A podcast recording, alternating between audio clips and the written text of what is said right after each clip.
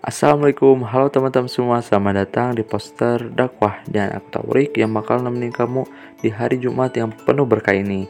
Gimana nih puasanya? Udah gak kerasa, udah hari ke-20 aja nih. Mudah-mudahan kita selalu diberikan kemudahan dan kelancaran dalam menjalani ibadah di bulan penuh berkah ini. Kalian pada tahu gak sih Minggu tanggal 18 April atau 17 Ramadan kemarin diperingati peristiwa apa? Nah, jadi 17 Ramadan kemarin adalah diperingatinya peristiwa nuzul Quran.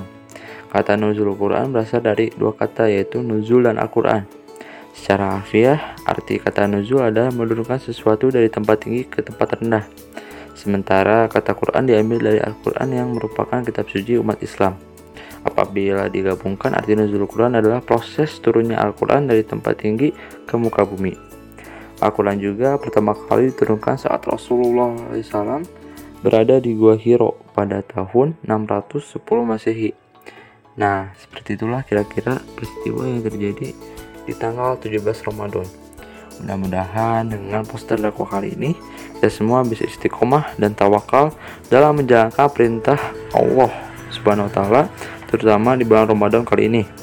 Mungkin cukup sampai di sini aku nemenin kalian. Insya Allah kita bakal ketemu lagi di poster dakwah selanjutnya dengan tema yang gak kalah menarik tentunya. Syukron. See you. Assalamualaikum warahmatullahi wabarakatuh.